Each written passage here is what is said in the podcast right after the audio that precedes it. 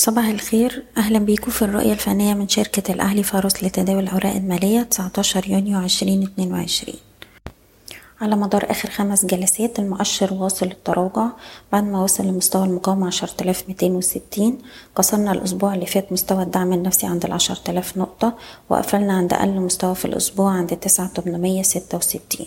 وده بيفتح المجال لمزيد من الانخفاض خلال الأسبوع ده وبقى عندنا مستوى الدعم التالي عند تسعة آلاف سبعمية وسبعين وده دعم مهم لأنه بيمثل ال low بتاع السنة اللي فاتت. في الوقت الحالي بنتعامل مع السوق بحذر أي ارتداد بنستغله لتخفيض المراكز وبنلتزم بمستويات إيقاف الخسائر حسب كل سهم على حدة.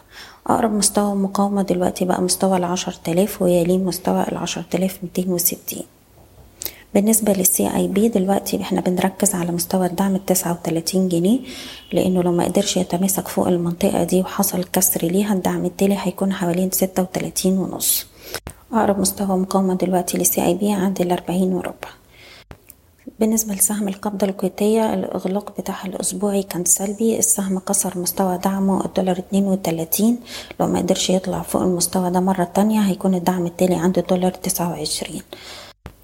وبالنسبة للمجموعة المالية هرمس السهم برضو قفل عند أقل مستوى في الأسبوع.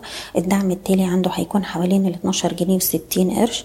أي ارتداد هنستغله كفرص لتخفيض المراكز حتى عودة القوى الشرائية مرة تانية. وأخيرا سهم موكو نقدر نحتفظ فوق مستوى التسعة وتسعين جنيه وأقرب مقاومة هتكون حوالين مية وخمسة مية وستة. بشكركم بتمنى لكم التوفيق.